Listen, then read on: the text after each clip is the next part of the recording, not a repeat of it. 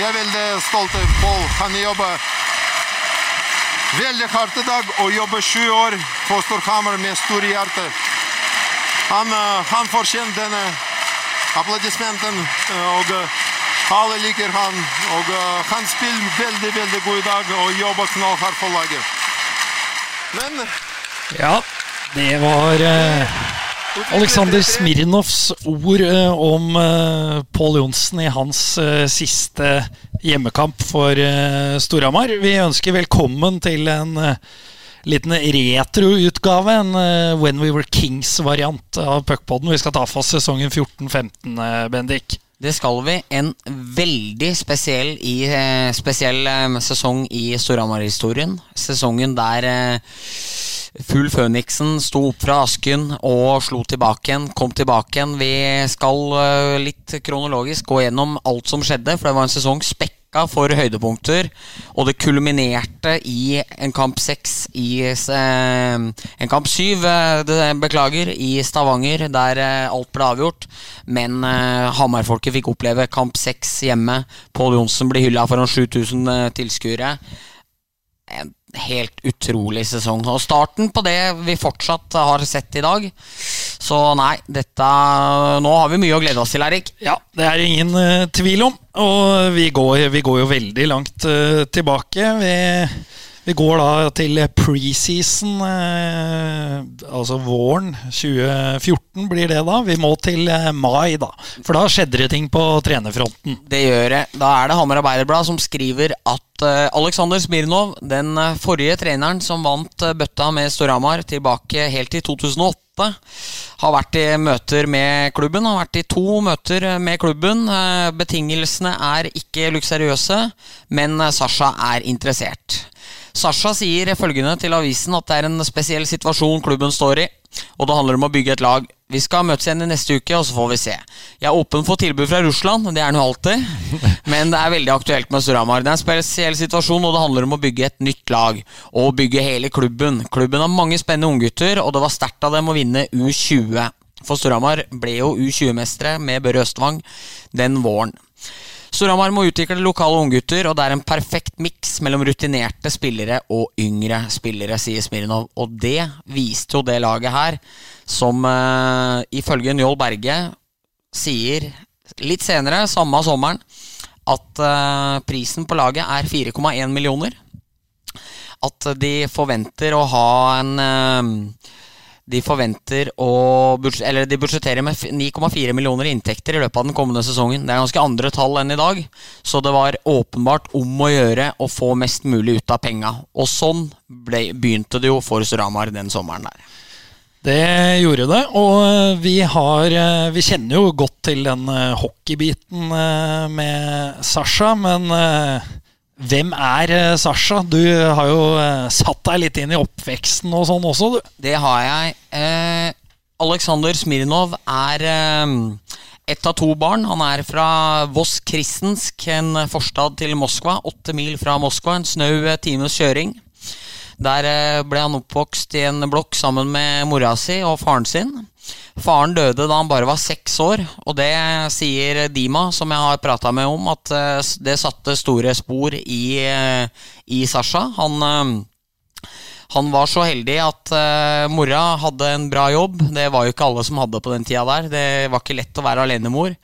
Men hun tok seg veldig av Sasha, og Sasha bestemte seg da for at uansett hva han skulle gjøre, så skulle han ta vare på mora si gjennom å komme så langt som mulig som idretten.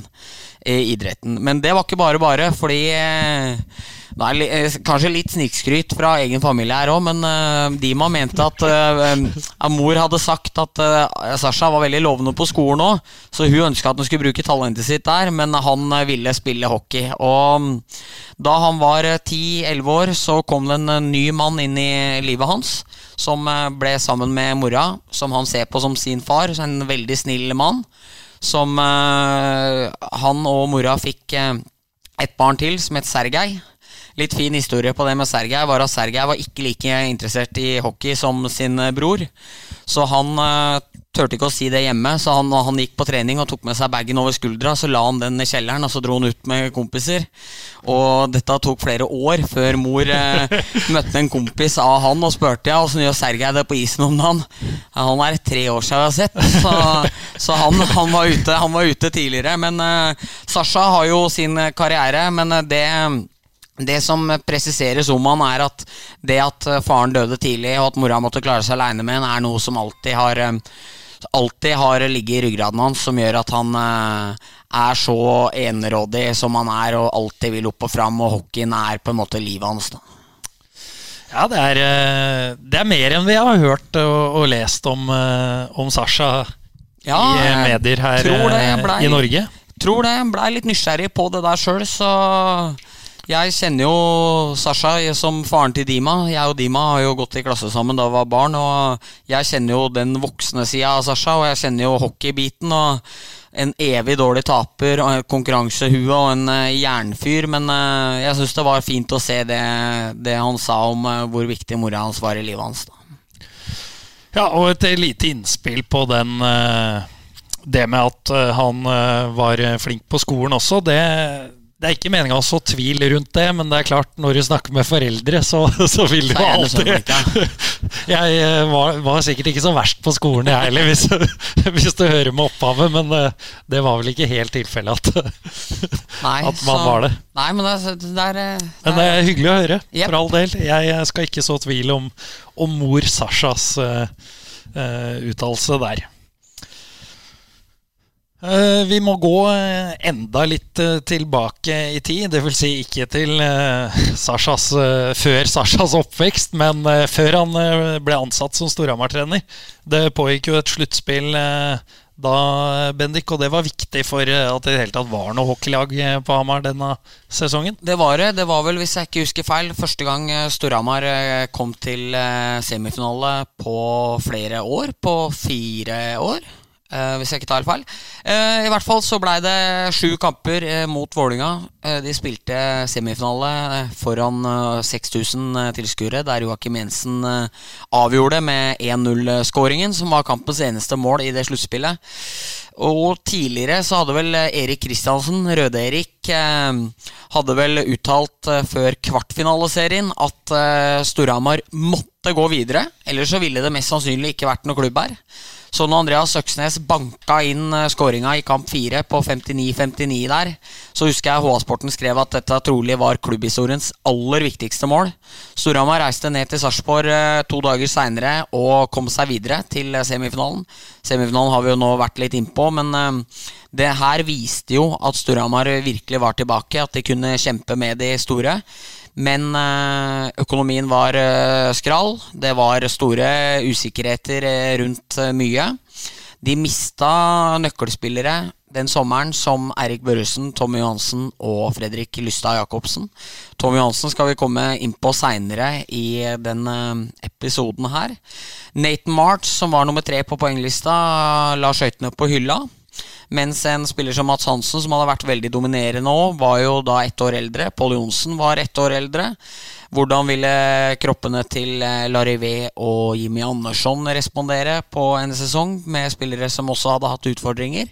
Så det var et veldig nytt Storhamar-lag som ble satt sammen til 2014-2015-sesongen, med tunge frafall. Og det var ingen som hadde noe som helst trua på at eh, Pål Johnsen skulle spille finale seks hjemme i Sesam Fi den påfølgende våren. Det var det absolutt uh, ikke. Uh, skal vi hoppe litt uh, til ansettelsen av assistent, da? Det ja. er jo en kjenning av oss, det. Det er det. Han har kjefta mye på oss. Det er helt riktig. 15.8 kunne HA presentere at Anders Kolbolen var Sashas assistent. Det hadde vært eh, snakka om at Børre Østvang skulle ta rollen eh, mye den sommeren. Eh, Storhamar var jo en helt annen posisjon. Det var eh, ikke snakk om å ha to fulltlønna trenere. Så lojale Kolba, som er en eh, dyktig hockeymann, men kanskje et enda bedre menneske. En som er flink til å være hands on med spillerne. Som uh, Der Sasha kan være litt hard og tøff, så tror jeg uh, Kolba var en perfekt Alfred. Der eh, Alfred eh, klapper litt på Emil og tar med han ned i bekken etter at eh, faren har blitt gæren, så tror jeg Kolba òg fint fungerte litt som det, særlig for de yngre spillerne. Så jeg tror ikke klubben visste sjøl hvor bra den signeringa var men, da det skjedde, men jeg tror Kolba var veldig veldig viktig for at Storhamar blei så konkurransedyktig som det blei det året der. Ja, og uh, nå, uh, bare for å ta med bitte litt fra i dag også, nå uh, har jo ryktene begynt å, gå.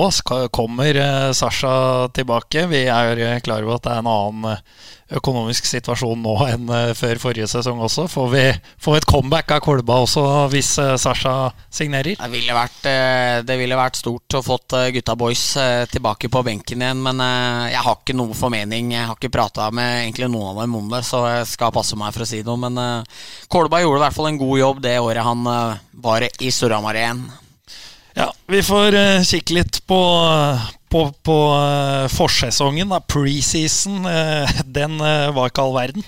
Nitrist preseason. Først en for jævlig kamp nede i Asker. tap. Så tapte de, tror jeg, på bursdagen min på, mot et svensk eh, tømmerhoggerlag. Så var det oppå Lillehammer Cup og dumme seg ut og tape kamp etter kamp oppå der òg, i sånne gule Bauer-drakter med numra som flassa av for hver eneste kamp de spilte. Uh, hadde jo fått noen nye signeringer, var jo litt spente på dem. Uh, Daniel Despotovic, uh, Linus Johansson, Erik Delaros, Andrew Engelage, for å nevne noen. Og Johansson så vel ålreit ut, Delaros så veldig bra ut. Resten så ikke, egentlig ikke ut i det hele tatt. det var det var eh, lite som tyda på at det der skulle være spesielt bra. Jeg husker de runda vel av preseason med å tape 6-1 eller 6-2 eller noe nede i Sparta der. Han Josh Godfrey, som skulle vise seg å ikke bli noe toppspiller, sto og hamra inn slagere fra blås. Jeg har ikke sett maken. Det bare blåste inn over Engelage, som eh, ja, som jeg tror på daværende tidspunkt hadde slitt med å redde en medisinball fra blå. Altså, det var det der var blytungt i starten. Men uh, han nå er en av heltene som uh, bare blei bedre og bedre. Og de lærde strides vel uh, den dag i dag om det har vært bedre keepere i Storhamar i etterkant. Ja, og han eh, Godfrey han spilte vel bare overtall på slutten, han. For, eh, og øste jo inn skåringer der. Ja, han var... Men husker det var en veldig spesiell situasjon. Jeg tror han hadde noe kreft i litt eh, nedre deler som gjorde at sesongen hans blei litt vanskelig. Og når han kom tilbake igjen, så var det ikke behov for han stort andre steder enn på midten i Poplay. Så han sto og måkte pucker der. Men i hvert fall Storhamar fikk virkelig erfare børsa hans siste preseason-kamp. Så det var ikke veldig mange som hadde veldig trua på at det laget her skulle bite spesielt godt fra seg. Det var det ikke, og da, da er vi jo, nærmer vi oss jo seriestarten. Det gjør vi. Og da kan vi ta den, for uh, kom jo under 2-0 på Jordal. Uh, Vålerenga som fortsatt uh, var et storlag da. Nå var det jo som Glenn eh, påpekte når, han, eh, når, vi besøkte han, at eh, de blei jo seriemestere i fjor. Men da var de fortsatt et virkelig topplag og et stabilt topplag. Og kom under 2-0 der, da var det ikke mye håp. Men så begynte Christian Larivé sesongen. Han gjorde det. Og Christian Larivé gjorde noe så sjeldent som at han han henta gullhjelmen midt i matchen i den kampen, og den satt på han i 45 kamper etterpå. Forutenom et lite avbrekk der Linus Johansson fikk låne den i kvartfinalen, så var det ingen andre som bar gullhjelmen det året Larivé gjorde 94 poeng. Men Larivé begynner eh, der. Han er helt strålende i første periode nå. Det er helt utrolig at Surama ligger under 2-0 helt ufattelig ufortjent. Men sånn er det å være på Jordal. Du kan føle at ja, eh, du, kan kjøpe, du, kan føle at du spiller så godt som bare det, men det kan stå 4 5-0 på tavla. Og det sto 2-0 til eh, dem. Og så er det Tobias Lindstrøm, av alle, kanskje Gatligans beste spiller sammenlagt de siste fem-seks åra, som kommer oppover med pucken. Larivé backsjekker som bare det. Vipper opp kølla hans, tar fram pucken tverrvender, holder farten ut, rister fra seg alle, kommer aleine med Steffen Søberg og setter pucken under spaken hans. Det er 2-1. Så er det en droppvariant der han banker inn 2-2. Eh, og så runder han vel av eh, hele ballet med å sette pucken i åpent mål og skli ned i Hamarhjørnet. Og da har Storhamar slått Vålerenga mot alle odds til 4-2 i seriepremieren. Det har de, og, eller det hadde de. Og Linus Johansson fikk jo med seg en scoring shorthanded òg i den eh, matchen. Stjeler pucken fra Stefan Espeland, som er litt nonsjalant, er det ikke da? Og bryter inn og setter pucken, eh, også han, under armen på Søberg, vel? Ja, det er riktig. På, på spaksida. På spaksida. I gubbehjørnet. Favoritthjørnet mitt òg, og, og det er en kamp der uh, Storhamar uh, har nesten ikke backer. Unge Stein André Hagen uh, er 17 år gammel og starter. Jeg husker på slutten av kampen, når Storhamar skulle ri av matchen, så ble Mats Hansen kjørt ned av Sasha som back de to siste bytta sammen med Erik Delaros for å ha noen med litt dun i ansiktet til å spille der på slutten. Jeg har kanskje ikke Mats så mye skjegg han når jeg tenker meg om, men eh, en, en litt eldre enn en eh, bare 17-18-åringer. Men eh, i hvert fall så starta Suramar den matchen fantastisk. Men brått skulle det her gå veldig mye nedover. Ja, for så kommer jo da Altså de neste matcha da, for den seieren på Urdal som det er jo det største for uh, Storhamar-supportere. Og man tenker at oi, dette her er kanskje ikke så verst allikevel. Nei. Og så renner i vei. Taper da mot Lillehammer, Lørenskog, Stjernen og Frisk Asker før de reiser til uh, eh, DNB Arena. Og kanskje den mest omtalte Storhamar-kampen i historien, sånn i ettertid. Ja, Taper altså 9-1. Ja. Uh, og da tap nummer fem på rad etter å ha vunnet serieåpninga, da så det mørkt ut. Da så det altså så tøft ut. Jeg husker jeg var ung og lovende i HA-sporten. Hadde aldri jobba med dette her før. Jeg satt og liva fra hjemme, som det var da. Vi var ikke ordentlig på matcha engang alltid, for det var ikke noe poeng. Og da husker jeg fikk spørsmål om tror du det Surama-laget her kommer til sluttspill. Og jeg måtte ærlig innrømme at det kan jeg ikke sitte her og garantere. For det så altså så tynt ut. Det var um, en tredjerekke som du leste opp for meg her, med Uh, Langdalen, Gulliksen og Ole Petter Øvgaard. Øvgaard. og det er ikke Det er ikke dårlige spillere, det er ikke det vi mener. Men uh, de Ingen var veldig, veldig, unge da. Yes. Gulliksen uh, med gitter også, og det var den tredje rekka av tre. Yes. Unge Stein André Hagen eh, Lars-Erik Esbråten, Mats Hansen, Anders Bråvold og Erik Delarås er vel backup-setningen. Det er én og er Magnus Eikram Haugen. Ja. Det er én opprinnelig back, og han er den eneste som er over 21 år.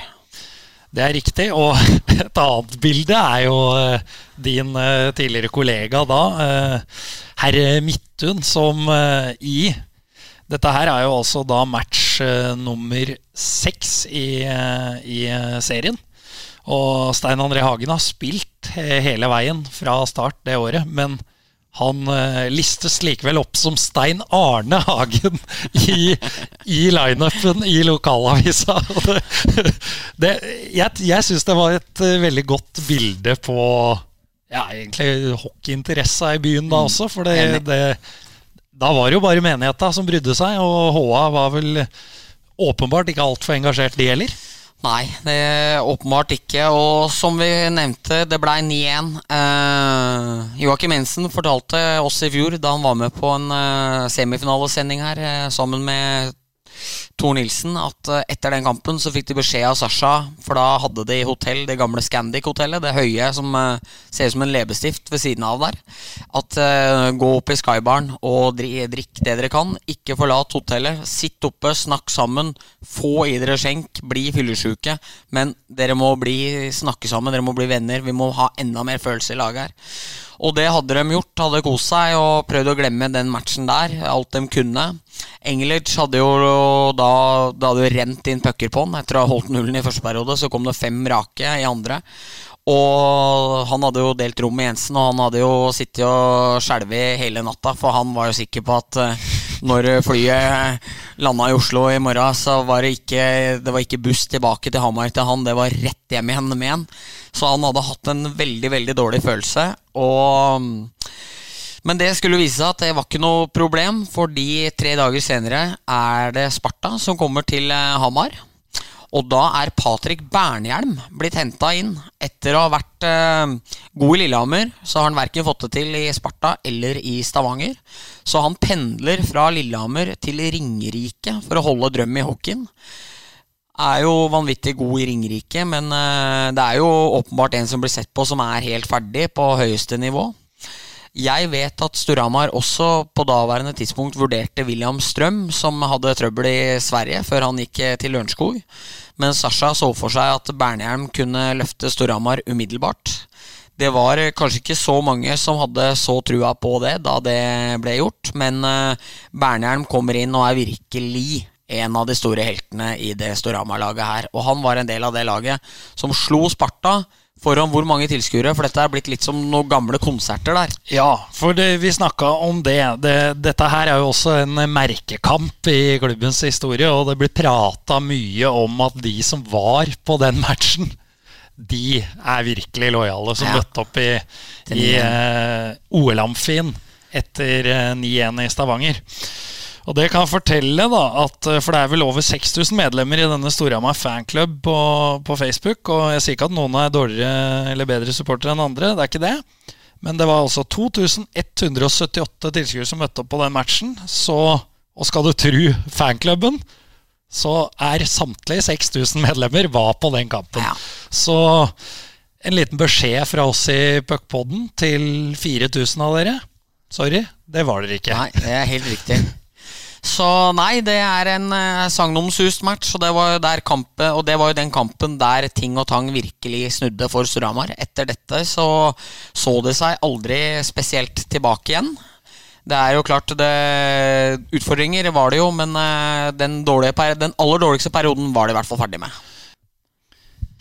Ja, da begynte det å ligne eh, noe, Bendik. Og lagmoralen fikk eh, satt seg etter Sashas eh, genistrek i, eh, i Stavanger. Vi skal høre akkurat hvor bra lagmoral det var.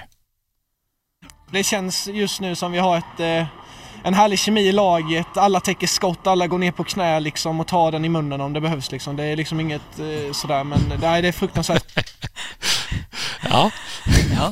Det, alle, alle, går ned på kne og tar den i munnen om det trengs. Alle gjorde det. Eh, fantastisk intervju. Har jo gått sin Kanassa-gang eh, nok ganger i etterkant. Eh, det Det er vel Kai Kristiansen som står der og blir, blir litt loff i ansiktet når Linus forteller om hva alle gjør. Men om alle ikke gjorde det, så er det et godt bilde på det når Jakob Berglund kom til Storhamar. Fordi han har henta inn like før det intervjuet her blir gjort. Uh, har jo egentlig lagt av med hockey. Er uh, ikke interessert lenger. Uh, orker ikke å spille divisjon 1, forståelig nok, etter å ha rulla rundt lenge nok.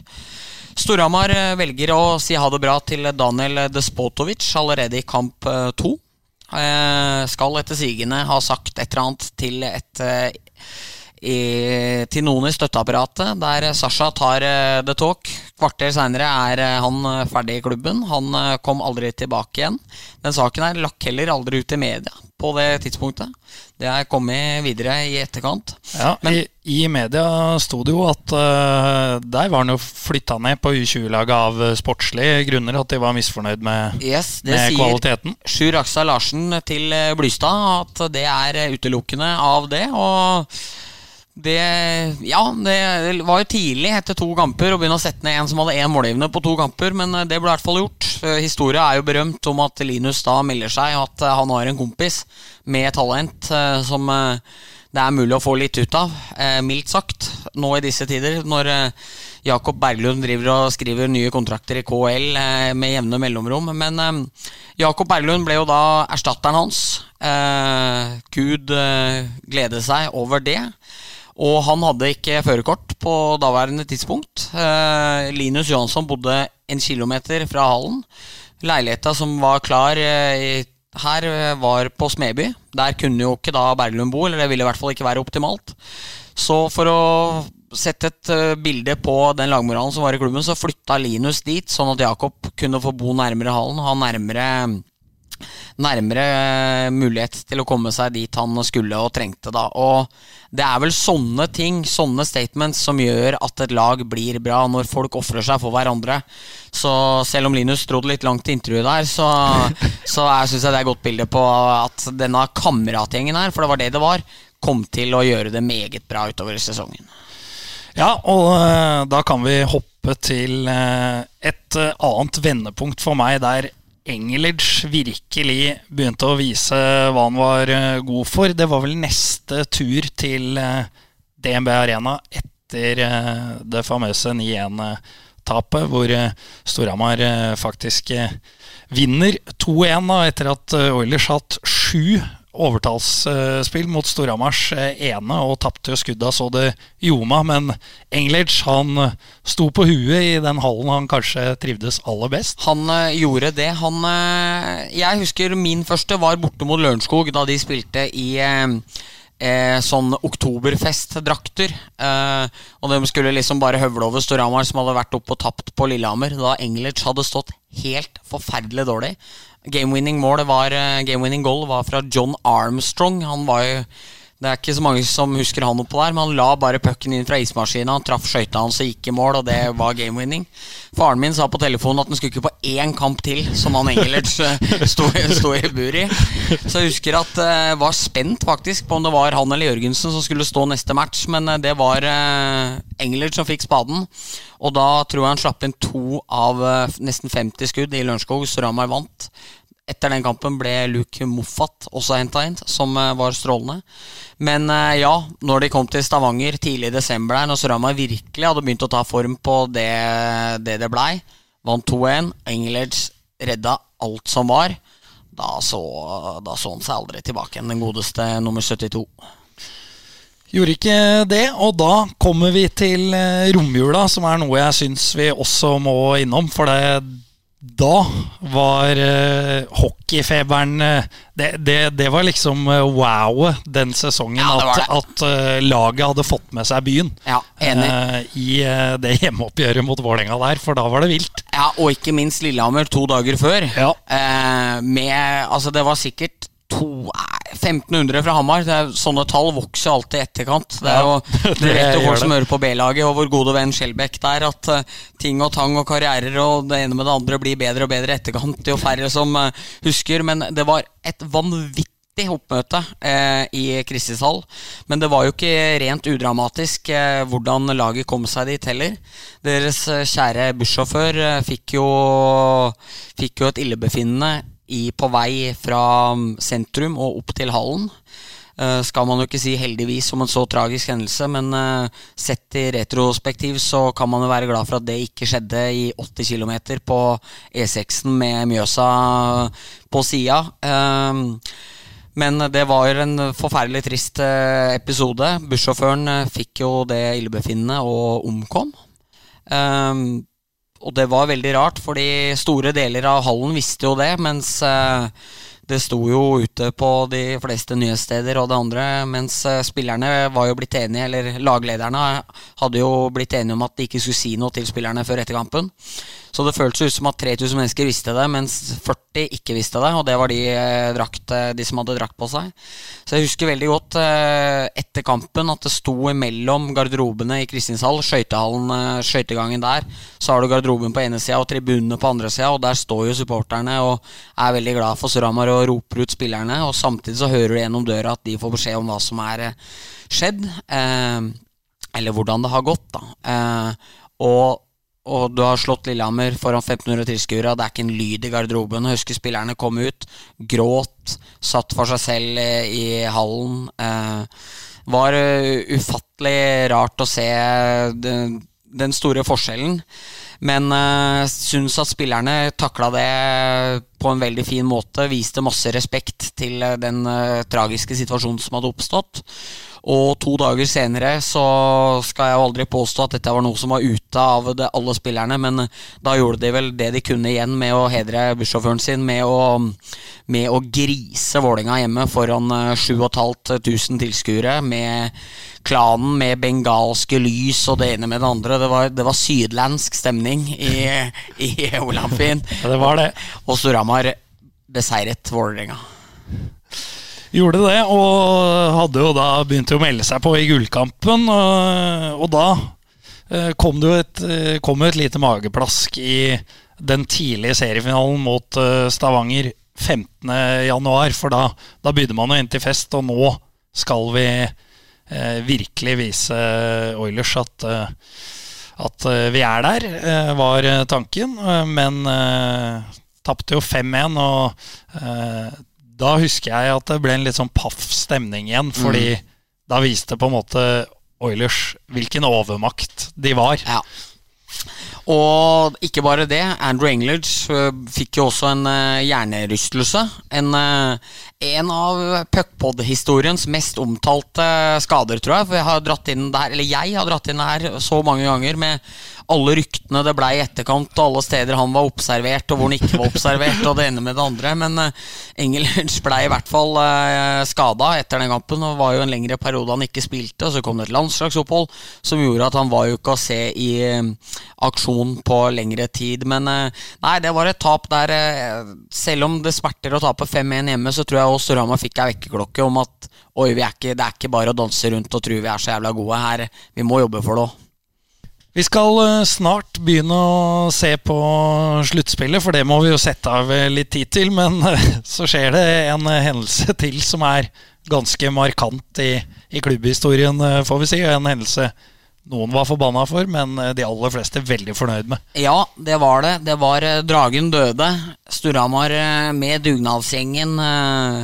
De gikk jo på vannet. Alt de gjorde var jo riktig og ble hylla og fortjent. Hadde gjort masse fint for klubben. Tok et litt dramatisk og drastisk valg med å skulle gå vekk fra Dragen.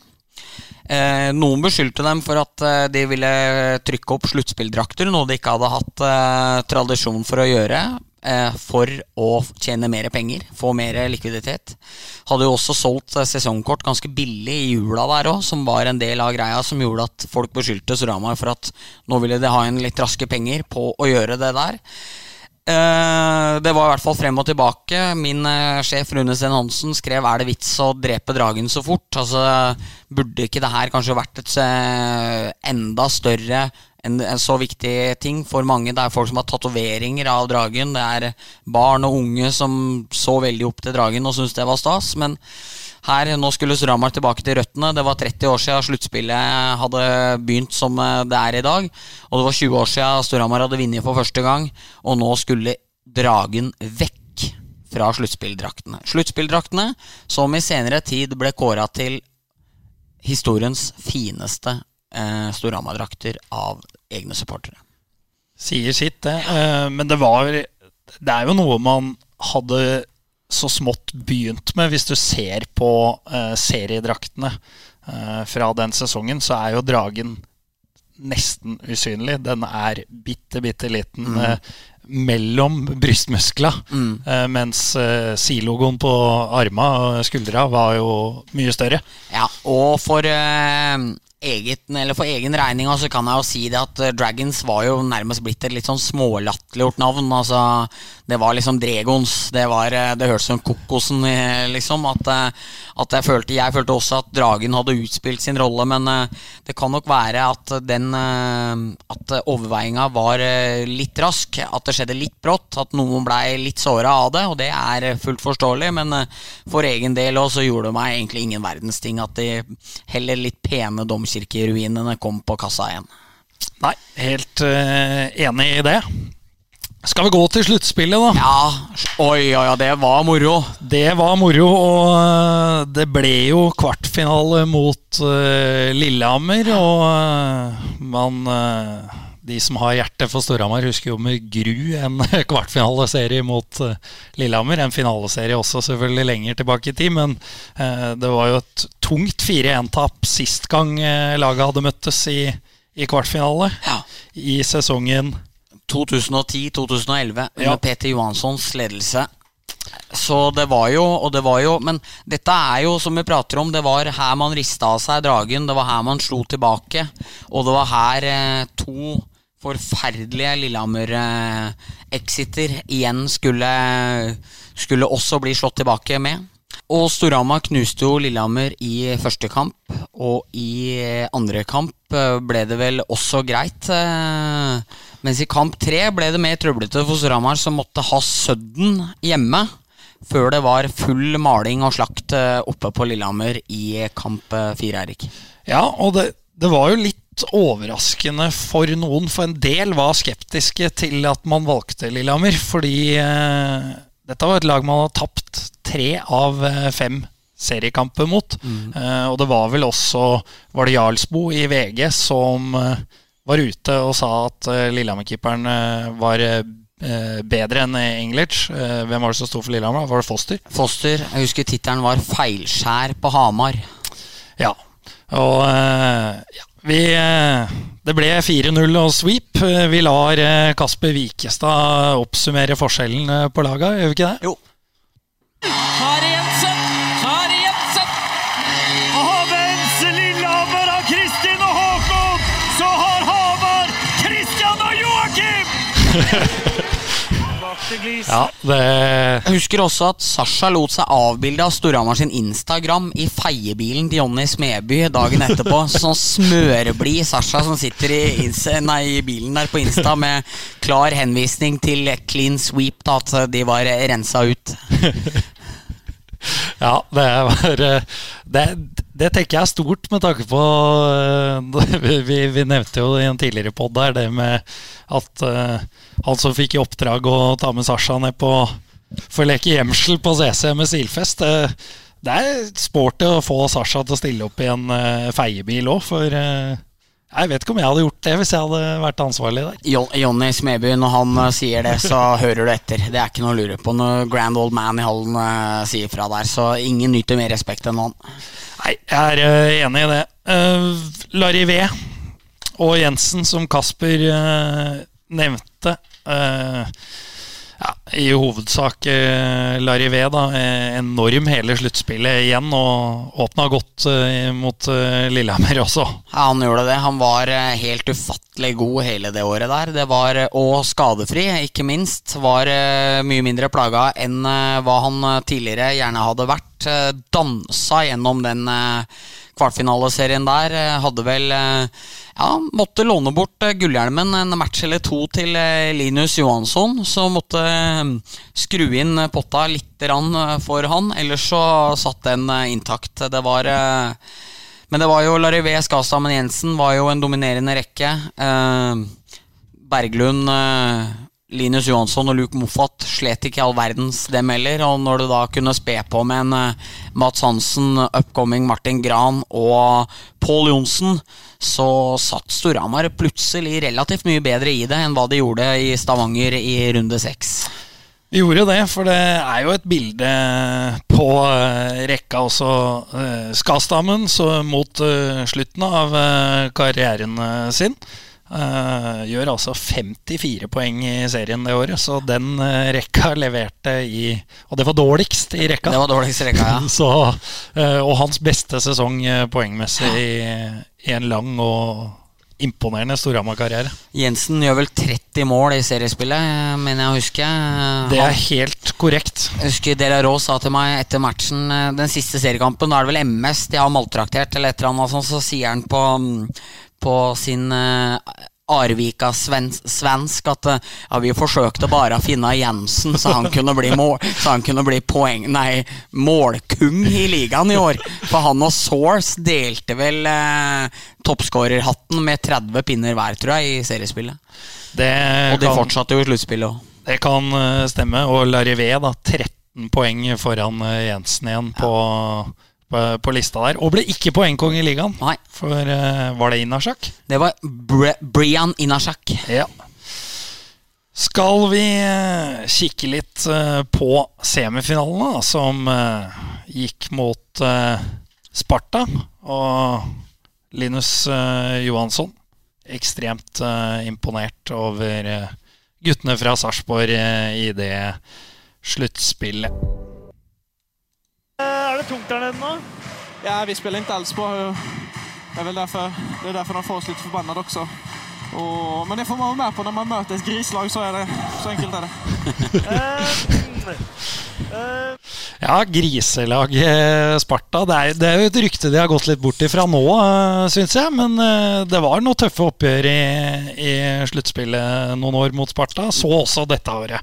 Det var det. Det var jo Sparta med noen svære basser. Det var eh, Panelin Borg, eh, Erlend eh, Lesund, Henrik Malmstrøm, Rost, Fredrik Lystad Jacobsen, Godfrey, som vi var innom i stad, Hagberg, som kunne på, irritere på seg hvem som helst, eh, Søgaard, Nøkleby Svendsen. Det, eh, det var mye tøffinger der. Det var det, det var ingen tvil om det. Og flere av dem kom godt under huden på Storhamar, men eh, vi får vel si takk og lov ikke nok til at eh, dem heller skulle bli eh, laget som satte kjepper i hjulene for Storhamars eh, finaledrøm. Nei, fordi eh, her må vi litt inn på enkeltmatcher, for eh, dette ble snuoperasjonens sluttspillserie. Yes. Starta altså med å ligge under 3-1 i første hjemmekamp hjemme, og ender med å vinne 9-3. Ja. Eh, en eh, snuoperasjon der fra å ligge under med to til å vinne med seks. Det, det ba jo bud om uh, hva som eh, skulle komme, men uh, det var, var en bra start. Uh, og så er jo kamp to, da. Den er det mange som husker.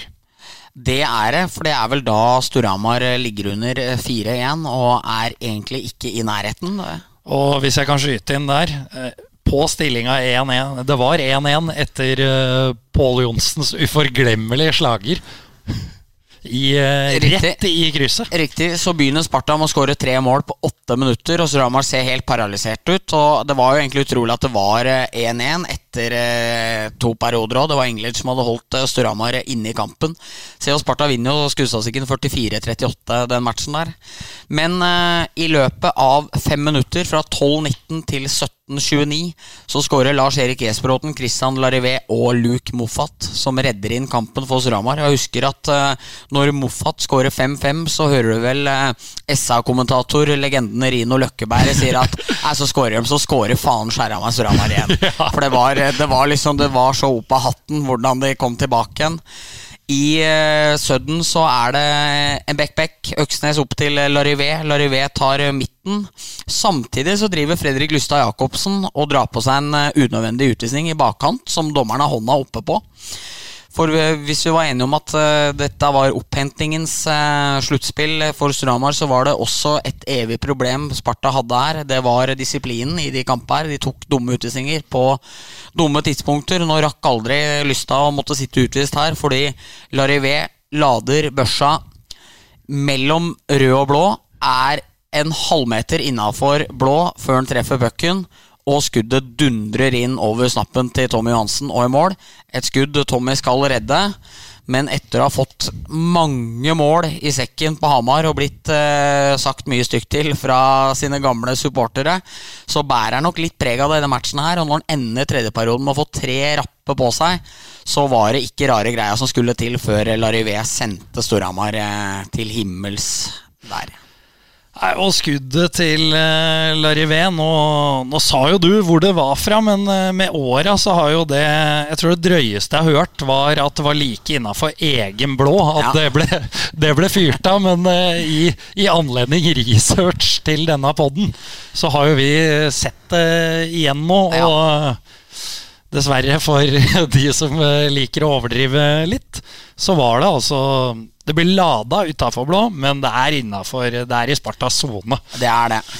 Det er det. Men eh, det var i hvert fall et eh, vendepunkt. Altså for meg så var det her Sparta på en måte tapte serien, når Ja. den 4-1-ledelsen glapp Ja. på hjemmeis. Enig. Uh, Og i kamp tre så er vi jo tilbake igjen med at Sparta leder 2-0 etter to perioder. Det eh, er helt jevnt i skudd. Det er 15-15 i- Nei, det er 15-14 i skudd til Storhamar etter to perioder. Så kommer Storhamar ut i tredje. Delarås, Linus Johansson og Joakim Jensen skårer måla, fordelt mellom eh, utlendingene med målgivende pasninger. Og da vinner Storhamar 3-2. Og da er det den klassiske eh, kamp fire når et lag leder 3-0. På bortebane så taper du alltid. Ja. Men det, det, det er jo noe som har blitt spekulert i norsk hockey, at da skal man ha Det, kamp fem. en kamp fem hjemme. En ekstra match. Det husker jeg vi spekulerte i året før også, når uh, Vålerenga leda 3-0 Ja. og tapte kamp fire på Hamar.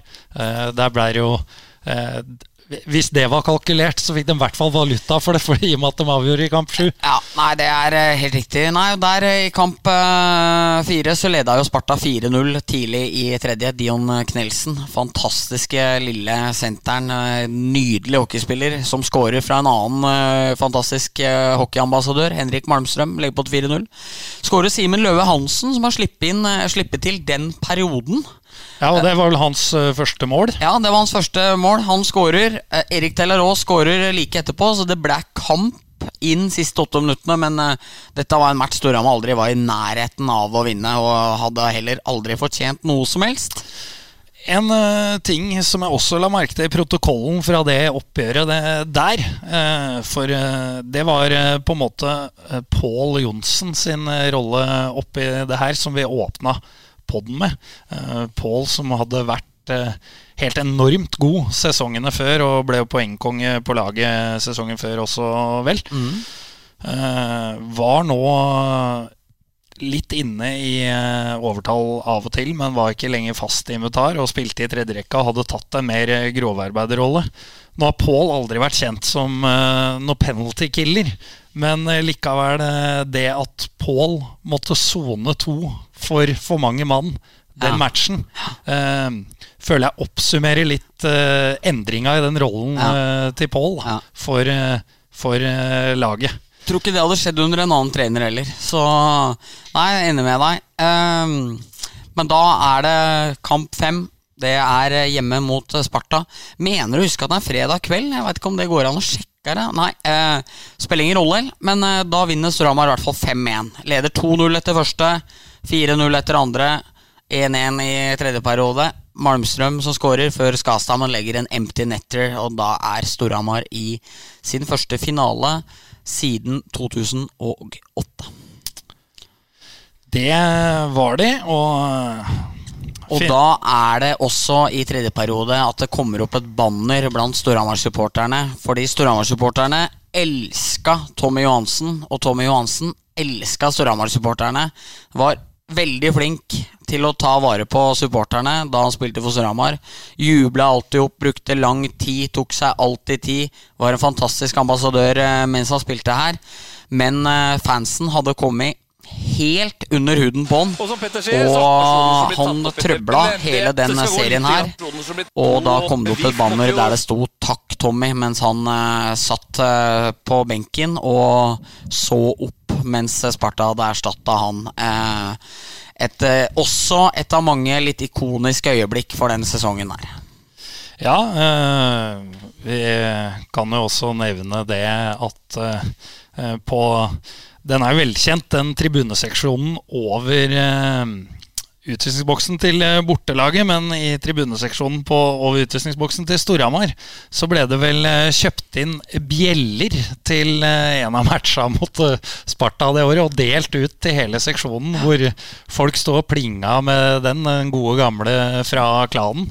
Tingelingelingeling, Tommy redder ingenting, det ikke det? Jepp, det er helt riktig. Så, så, så det blei tatt grep fra tribuna også for å, for å psyke ut eh, stakkars Tommy, som bare året før var en eh, helt eh, på Hamar. Og jeg husker jo, eller når vi nå prater om at Linus Johansson prater om at Sparta var et griselag, så var han ikke helt uskyldig sjøl heller. For jeg husker han drev og sirkla rundt Tommy i avblåsninger. Og åpenbart ikke spurte om han ville være igjen i Hamar og spille PlayStation og spise pizza med han. Han, eh, han kjørte meldinger, og til slutt så husker jeg Sasha måtte ned til boksen og røske den inn igjen og si at nå er det nok, liksom. For det, det, var, det var grenser. Men uh, Linus uh, har kommet veldig langt uh, av mindsetet sitt. og i den semifinaleserien der så gikk det litt utover Spartas nummer 53. Det, det, det gjorde det. Så er det finalen, da, Bendik. Det er finale. Det har til og med vært påske imellom. Ja, Klubbene har hatt god tid på å forberede seg. Storhamar reiser dagen før. Og vi snakka jo om det i en annen pod, at um, Sasha er veldig um, eh, og hva heter ordet? overtroisk. Overtroisk, herregud. Så han hadde jo bedt meg i forkant av sluttspillet her om å ikke dekke siste treninga før, eh, før uh, kampene. For han mente at de hadde tapt seks av seks, eller hva det var, når jeg hadde gjort det. Og her reiser jo Storhamar da den første kampen, mener jeg å huske er på en, uh, Det er dagen etter andre påskedag, så de reiser andre påskedag. De trener på kvelden, og så reiser de over. Og Storhamar eh, blir jo blåst av isen de første minuttene i finale 1. Altså Stavanger er som en virvelvind. De har vunnet åtte strake kamper, eller ni strake, for du må spille en ekstra kamp mot Vålerenga igjen pga. Martin Blakseth Huses eh, scoring, som eh, først ble annullert og så godkjent etter at spillet var satt i gang. Og vi husker jo hele det rabalderet der. Eh, så Storhamar eh, kommer dit, ligger under 14-1 i skudd etter 4,5 minutt. Og taper eh, andre Nei, ligger under 2-0 etter første periode, vel. Før eh, Skastammen finner finner Larivemen flipper. Og det blir litt match igjen, men, men Storhamar er aldri veldig nære i eh, finale 1. Nei, eh, det ender vel eh, 4-2. Ja, eh, Og det er eh, takket være Engelitsch. Det er takket være Engelitsch, og det er her overtroen kommer inn igjen. Fordi i og med at Storhamar reiste dagen før og hadde så perfekte oppladningsmuligheter som mulig, så tapte dem når de reiste dagen før. Så det som er planen å gjøre, at de skal reise dagen før resten av eh, finalene, det avblåser Sasha. Fordi, fordi han vil heller reise på formiddagen, fordi da eh, har han ikke noe statistikk som sier at de taper, hvis den, hvis den, at den har 100 tap på. Så, så neste gang Storhamar kommer tilbake dit, så er det ikke med Natti fra Clarion Hotel Energy først. Nei, og eh, vi kommer jo tilbake til eh, kamp tre om eh, kort tid. Men vi må jo si det, da. Etter den første finalen så er det jo i god, ordentlig pessimistisk hedmarksånd så ble det snakka om sweep. Og, for folk huska jo uh, den tidlige seriefinalen vi nevnte, 5-1 på Hamar. Og uh, blir da overkjørt av uh, mesterskapslaget Oilers, som eh, har eh, dominert norsk hockey en årrekke. Mm. dette kunne ikke gå. Det kunne heller ikke bli kamp. Det var det veldig få som trodde etter Nei, nei. den første. Nei, nei, nei. Dette skulle ikke bli noe kamp. Men eh, Og det virker jo heller ikke sånn, fordi eh, Peter Lorentzen skårer jo etter 18 sekunder. Engelic gjør en helt spesiell eh, manøver når Lorentzen får en pass eh, ut på venstresida. Har dårlig vinkel, er også venstrehendt. Legger pucken tilbake. Og Engelitz er akkurat som man ikke helt vet hvor målet står i forhold til seg selv. Eh, og pucken ruller under den nå i mål, og det tar liksom 18 sekunder. Og jeg tror alle tenker at ja, det var den matchen nå. Men Linus Johansson skårer. Eh, like etterpå. Setter litt balanse der. Storhamar skårer to eh, tidlige i andre perioden. Leder plutselig 3-1. Det blir 3-3. Det er eh, Åssen skal dette gå? Så våkner Patrick Bernhjelm, som jeg, som jeg omtalte som Ray Bork den ene sesongen her, en tidligere pod. Skårer på en Powerplay-variant på slutten av andre periode, før Berglund fastsetter resultatet. Og da har Storhamar gjort det man frykta aldri skulle skje.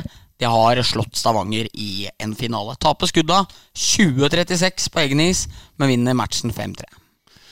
Ja, og da var jo positiviteten eh, tilbake. Og du har vært inne på overtroa til eh, Sasha. Sasha, altså- Ingen overnatting, men kamp tre, der har jeg skrevet to ord. Andrew English igjen. Yes. Ja, det, det, ble, det, ble tre, det ble tre, jeg sa nå. Tre. Andrew English igjen. Ja, det var Men jeg har bare skrevet Andrew English. Ja. Det var poenget. Ja. 10. fredag 10. april 2015. Det er en eh, dato som er ringa rundt litt. Jeg skulle i uh, utdrikningslag til vår gamle felles eh, lagkamerat Kristoffer Schou. Men jeg var ny og lovende i HA og hadde ikke, turte ikke å begynne å ta meg fri i finaleserie, med fare for å bli satt ut av Stavanger-laget etter det. Så jeg betalte 4000 for en helg i Riga som jeg aldri var på, og reiste heller vestover for eh, denne serien. Og jeg har faktisk aldri angra meg for, eh, for maka til hockeymatch. Storhamar vinner jo 3-0. Det er eh, som redder eh, 45 skudd. Men han får ikke nullen godkjent, fordi når det er en 1-20 av kampen, så legger Skastammen en puck i blinde som går over hele isen og ruller ned i målet. Jeg føler fortsatt Jeg ser pucken sakte over hele isen. Skastammen kaster seg ned og skater alt den kan til rød, og kaster seg ned med Ja, det er vel det er for meg den mest ikoniske Storhamar-feiringa noensinne. Der han peker opp til Storhamar-supporterne med oransje eh, kølle. Det, liksom, det sitter hele det bildet. Og du skal være passe konspiratorisk hvis du tror at Skastammen gjør det mot Stavanger. Men det trodde Josh Source, eller det ville han ha grunn til å tro. Så han klikker jo helt mentalt og kjører drapsrusler og holder på. Og det er der jeg syns Sasha er litt, eh, litt stor òg, fordi eh, Eller det er Kolba som, som står nærmest Stavanger-benken, som har, som har oversikt der. Så kommer han gående til Sasha, så ser du Sasha begynner å vibrere i kroppen, og så kaller han til seg Engelert. Og da gjør Sturama keeperbytte. De setter inn Jørgensen.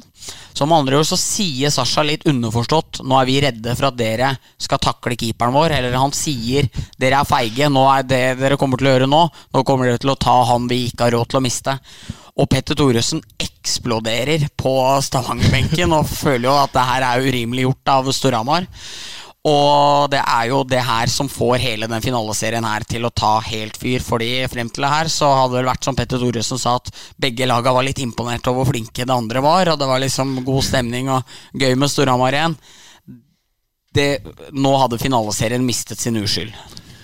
Det hadde det, og vi skal høre fra en av puckpoddens eh, mange venner, Petter Thoresen alle medier ellers.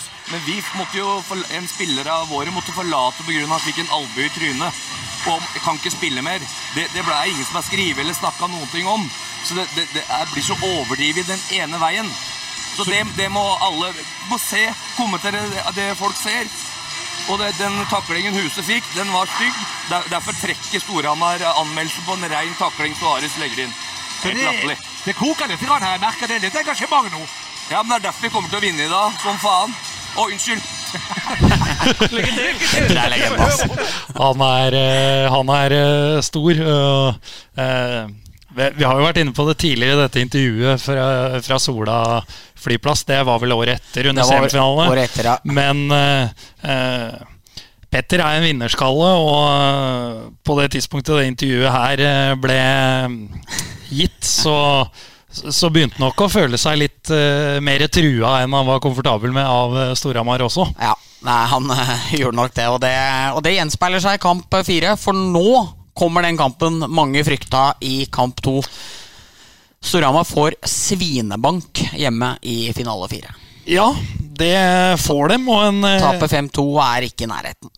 Nei, det var ikke det. Og en, en liten digresjon eh, der, eh, Bendik, fra denne kamp tre til kamp fire. Det er jo dette nevnte utdrikningslaget som, eh, som, i Riga som du skulle vært med på, men droppa. Men jeg var der. Og vi var på noe sånn guida tur og greier på kvelden der. Jeg løp tilbake til hotellet for å se eh, denne matchen som Storhamar endte med å vinne 3-0. Og i da euforien og, over seier og Eh, ja, kanskje litt euforisk av andre grunner eh, også. Var vel litt, var litt eh, påvirka der. Så bestiller jeg altså flybilletter hjem for å rekke finale fire på, på Hamar. For det koster meg 2000 kroner da, å, å reise hjem tidligere for å rekke den matchen. Og eh, det var tungt når jeg ble henta klokka sju på hotellet søndag morgen og hadde kommet hjem fra byen klokka seks, ja. så var den, var den, tøff. Og ikke var det verdt det heller, for som du nevner Storhamar ble jo eh, knust, og det var vel 1-0 etter 34 sekunder. Eh, så det var eh, Nitrist match. Og nitrist søndag for undertegnet. Ja, det skjønner jeg. Enkelt og greit. Men reisen går jo videre igjen, og på flyet over så havner jeg ved siden av Sasha på flyet. Rune Sten Hansen, som også var med, eh, syntes det var eh, veldig artig og drev og la ut bilder og holdt på med det. Og at her fikk Sasha litt hockeyleksjon av en som virkelig kunne det, eller et eller annet sånt. Sasha helt oppgitt, men eh, sånn fikk det da i hvert fall eh, være. Vi reiste over. Jeg husker at det var en eh, sjukamp som gjorde at eh, HA hadde dårligere deadline. Og med tanke på hvor eh, maling Storhamar hadde fått sist kamp, så tror jeg Rune mangla stort sett nesten bare sluttresultatet i saginga av eh, hvordan matchen blei, når den eh, ble levert inn i før matchen. Men eh, utover i kampen så er det jo jevnt. Eh, Henrik Solberg skårer førsteperiodens eneste mål. Men Storhamar er bedre enn Stavanger i den kampen her. Eh, andre perioden er målløs. Skårer Christian Hansen av alle. Legger på til 2-0. Og det føltes så forferdelig ufortjent. Lars Løkken Østli, som ofte skårer viktige mål eh, i Stavanger og i eh, sluttspillserie. Det gjorde han jo mot eh, Frisk i fjor også. En serie vi skal komme inn på i en senere pod. Han gir jo Storhamar håp igjen. Så skårer Luke Moffat på et helt fantastisk pass fra Larivé mellom egne bein og motstander med ryggen til isen. Som gjør at det er sudden, og det Storhamar har alt momentum! Det er jo, Stavanger blir jo feid av isen, ser jo livredd ut. Altså, det er jo liksom kjempemulighet. Og jeg husker at Øksnes er skada og står oppe og henger over, eh, over rellinga oppe på pressetribuna, eller på, oppå der, da. Og liksom prater med han og liksom at 'nå har vi det jo'. Altså, det er en sånn følelse at 'dette har vi', sier han. Og det er jo det som Alt tilsier jo det. Og liksom vakre Storhamar som kommer opp her, og nå skal de ta dette avgjøret hjemme. Så legger Stavanger pucken ned. Så får Jimmy Andersson glipptak. Bernhjelm havner i ingenmannsland når han skal prøve å redde inn backkompisen. Kissel av alle finner Trettenes foran mål, som setter pucken inn, og Storhamar taper den matchen. Og jeg føler fortsatt hvor ufortjent det var liksom i den kampen der. Så begynner Stian Høygård å feire foran Engelerts i trynet og få en spakhanske i pæra, og det er full kalabalik. Og hvis vi snakka om at de ikke var blitt noe glad i hverandre i finale tre, så hjalp i hvert fall ikke det her på. Jeg husker Sasha sa eh, til HA dagen etter at Høygård var en skam for, for idretten. og, at, eh, og at hadde han vært trener, så hadde han ikke brukt den. Det er jo lett å si om en eh, spiller som eh, både er god og som har kommet bra under huden på noen av nøkkelspillerne dine, men eh, det var jo så for jævlig, for denne matchen hadde jo Storhamar alt i, egentlig, men de fikk ikke resultatet. Det er kanskje det er kanskje den kampen her, sammen med finale to, der Storhamar er best i banespillet. Det var en eh, meget bra kamp, men uh, som du du der, der fikk du nesten litt sånn følelse som du får på Jordal av uh, Stavanger. Det skulle ikke gå. Det, det kunne heller ikke gå. Men uh, det er jo nye lodd to dager seinere. Og, og da begynte TV 2 også å melde seg på. Yes. De, hadde, ja, de hadde jo meldt seg på hele veien, Ja, skal ja, ikke ta dem på det. Men, Nei, men, men da, da begynte det å bli fyr. Uh, vi, vi tar noen eh, uttalelser etter dette med masseslagsmålet med English. I et finalespill som har utvikla seg til litt av et drama. Og det er sånn det skal være. Akkurat sånn det skal være. Sånn det skal være, da. Det har ikke mangla på kontroversielle episoder. Senest i går måtte Storhamar-keeperen forsvare seg alene mot en hel skokk med Oilers-spillere. Yeah, we were quite a bit of guy, but like he went after all of us, so that's his fault. That's on him. At ikke Storhamar kommer og stiller opp for han før, det, det. Jeg synes Når matchen er ferdig, så er den ferdig. Da trenger man ikke fly rundt. Unnskyld. Tommy Kristiansen, som vanlig i begivenhetenes sentrum, må fyre opp litt. Ja, for jeg synes jo Det er jo litt urimelig å si at eh, Storhamar ikke rakk Eller Storhamar ikke stilte opp for ham, for han hadde jo 20 spillere rundt seg før han fikk sagt kake. Så det var jo liksom Det, det var ikke så mye å gjøre. Det, det kom jo Storhamar-spillere til, men Stavanger hadde jo nærmere side òg, så de hadde jo alle spillerne sine på vei ned der. Men eh, vi skal ikke dvele for mye med det. Det, det gjorde at den eh, finaleserien her i mine øyne er den beste som er, og mest dramatiske som har vært spilt. Ja, og det ble Det var jo den tida det var eh, free seating i eh, OL-amfien, som det het eh, den gangen. Og da var det jo fullsatt før kamp seks, hvor Source Fikk pipekonsert på oppvarminga. hver gang han var borti pucken på oppvarminga, og det er ganske mange ganger. Ja, det var helt nydelig. Og det var jo en sånn Nå var det mer nervøst, for nå kunne det Nå var Bukland i hus. Vant Stavanger nå, så var de mestere. På Pål Johnsen hadde uttalt at han skulle legge opp. Dette var hans siste kamp eh, hjemme i CC Amfi. Kjære, fantastiske Pål Johnsen for siste gang med nummer 18. Det er, eh, blir rørt bare jeg tenker på det, faktisk. Eh, Her, her hadde bygda møtt opp til fest. Det var hele 6323 tilskuere på plass. Folk hadde vært der i timevis. Det var noen som har vært der og lagt igjen jakka på morgenen for å kunne komme og hente den senere på dagen. Og da ble det slåssing om plassa, og folk var helt gale. Men matchen ble ikke like bra som uh, hvordan det blei, for det blei som sagt nervøs. Skastammen skårer eh, i første periode. Peter Lorentzen utligner i andre. Han var he het i protokollen, den eh, serien her. Jeg lurer på om han scora fire. Ja, og skåra viktige mål òg, husker jeg. Og så skårer Patrick Bernheim fra Linus Johansson og Jakob Berglund. Og selv om Stavanger vinner skuddstatistikken 13-4 i trea, og skuddstatistikken 34-14 sammenlagt, så er det Storhamar som vinner kampen og gjør at alt skal avgjøres lørdag 20. april i Stavanger. Ja, og igjen så må vi jo Lørdag 18. april. Faen. eh, ja, nei, vi får la det stå, men eh, Ja, men igjen så må vi jo si uh, English, da. Ja.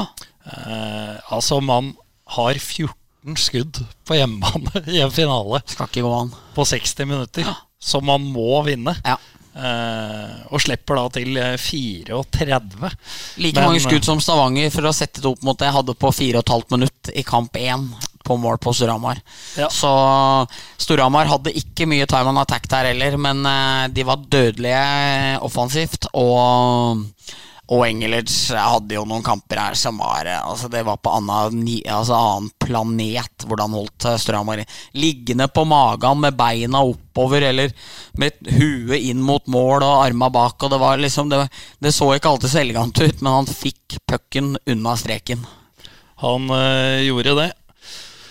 Så var det kamp eh, sju. da Jeg var i 60-årslag for eh, min mor. For eh, det var jo planlagt en god stund i forveien. Og det var jo ikke så De som hadde trua på at Storhamar skulle spille finale sju den datoen på det tidspunktet når det ble planlagt, de Ja de eh, hadde ikke vært bra med hvis de hadde hevda det. Så, så, men det ble i hvert fall eh, dratt opp en, eh, et lerret, så det ble kamp på storskjerm selv om mor skulle feires. Så vi fikk da sett kampen. Det er godt. Så det var vel da Marius Skjelbæk eh, skrev 'skål for Pål' på Twitter òg, var det ikke det? Som eh, gjorde at dette var siste gang. Det var eh, Husker at familien, både mor og faren til Pål, var med. Linda og vår tidligere gjest Martin. Martin var trøtt og sliten, husker jeg, når vi kom tilbake igjen på Gardermoen. Var, var jo bare et barn ennå. Det var vært lang dag for lille Martin da. Men Storhamar taper finale 7 4-2, men det kunne vært så mye annerledes fordi Stavanger leder 2-0 etter første periode. Helt jevnspilt. 15-13 i skudd til vertene. Adrian Weidemann fra Martin Blakseth Huse og Petter Røstefossen er første målet. Så bommer eh, Lars-Erik Esbråten nærmest på åpent mål på, på stillingen 1-0 til Stavanger. Petter Lorentzen igjen fra Christian Forsberg og Stian Høygaard legger på til 2-0.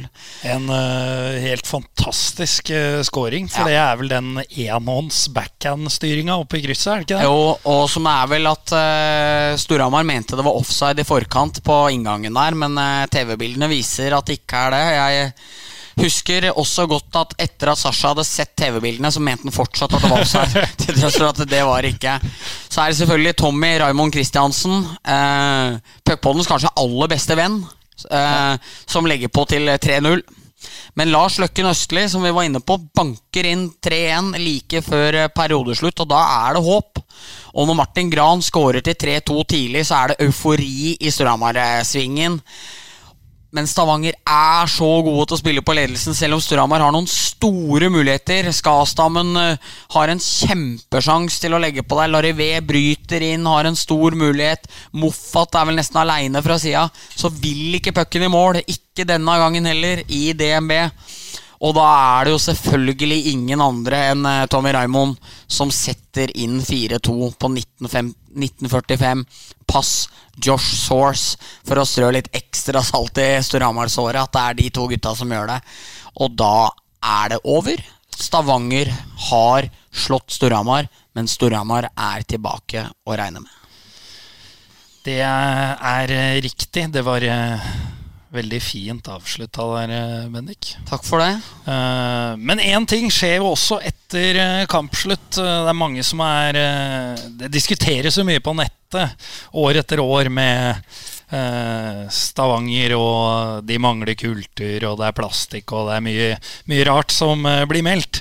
Men det Stavanger-fansen gjør i, etter at de faktisk har blitt norgesmestere, kårer da uh, Pål Johnsen til eh, banens beste spiller. Eh, og med all respekt for uh, Pål, det, det var han ikke den kampen. Eh, men det, det er så verdig, da. Det er en fantastisk hyllest. Og i tillegg så eh, klapper hele hallen og synger Johnsen. Mm, det husker jeg. Og som sagt, vi kan si mye om eh, Eller folk sier mye om supporterkulturen i eh, Stavanger, men ja, det hadde nok ikke skjedd andre veien. Jeg tror ikke det. Og jeg husker også at eh, da Larivé fikk MVP, og så var det ikke noe grining over at ikke Ruben fikk en, eller noe sånt. Det var òg taktfast applaus. Det er også lett å være storsinna i det du har vunnet. Det skal sies, men, det skal sies, men, men det òg var en fantastisk gest. Og det var jo så synd å se Larivé liksom liksom så han var tilbake, men det holdt akkurat ikke. Og, men hans hevn skulle komme noen år seinere.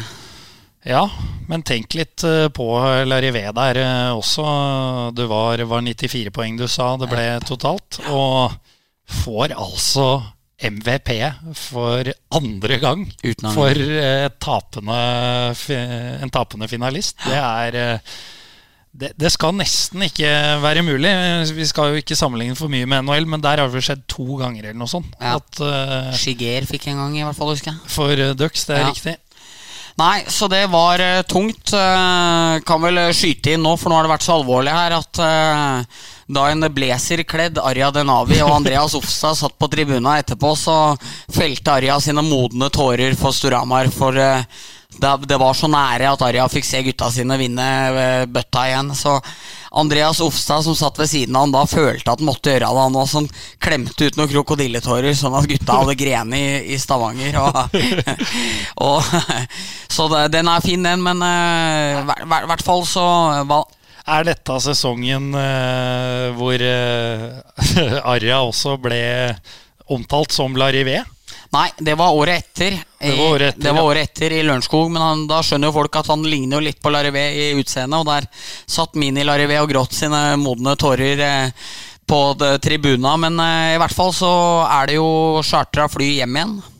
Eh, Det er noe kluss med bestillinger som gjør at eh, det tar eh, litt lengre tid. Storhamar-spillerne har fått rikelig med skjenk forrest på det, på det chartra flyet. Hesbråten eh, ser vel kanskje ikke ut som han har tapt en finale akkurat, men, men eh, Storhamar har jo også gjort en stor bragd, så man må liksom ikke glemme det oppi det hele. Husker fortsatt at Njål Berge prater om eh, storheten og hvordan man har reist seg, og der han takker Sasha for hvordan Storhamar har kommet tilbake og blitt å regne med. Så det var jo, selv om man tapte, så var man jo en finale man aldri hadde forventa at man skulle være i det hele tatt. Så når de glade gutter kom tilbake igjen eh, til til Hamar så var det jo over 2000 mennesker som møtte dem på torget. Og det er jo smått utrolig når du har vært og tapt en finale, men eh, dette var folkets lag så til de grader. Det var det, og eh, man har jo alltid lyst til å vinne, så eh, vi kan vel trygt si at det kommer nok aldri til å skje igjen eh, at det blir en sølvfest av det kaliberet det var. Det, det var jo fri flyt nede i sentrum. Altså eh, politi hadde, hadde de ønska å, å gjøre det, så, så kunne de jo dratt inn årsbudsjettet for kommunen i, i bøter på, for offentlig drikking og Ja, ja, ja. sikkert urinering og mer til. Nei, det var, eh, det var en eh, helt eh, ufattelig reise. Det var med så mange personligheter. Det, det sies jo at et lag er jo aldri et lag etter den siste kampen er spilt. Og det er jo veldig mange fra den, eh, det laget her som gikk videre. Eh, Vi skal vel på en eh, neste pod, neste sesongspod, når den måtte komme, så skal vi røske opp mer i keepersituasjonen. For det kunne kosta Storhamar både treneren og det ene med det andre. Hvordan det ble håndtert. Eh, Lucky Luke, eh, populære Luke Moffat, som eh, kom til Europa for å spille for Frølunda, som var i Storhamar, som dro til Australia og så endte han opp i svakere ligaer i etterkant. Han var aldri å finne igjen. Mats Hansen la opp. Adrian Saksrud Danielsen har i, i, etter dette ikke spilt for Storhamar. Linus Johansson ble borte. Det er eh, mange helter som eh, ble borte, men eh, dette var et fantastisk lag. Og hvis eh, dette er liksom mitt Brasil i 82-lag, eh, det fantastiske laget som akkurat ikke vant.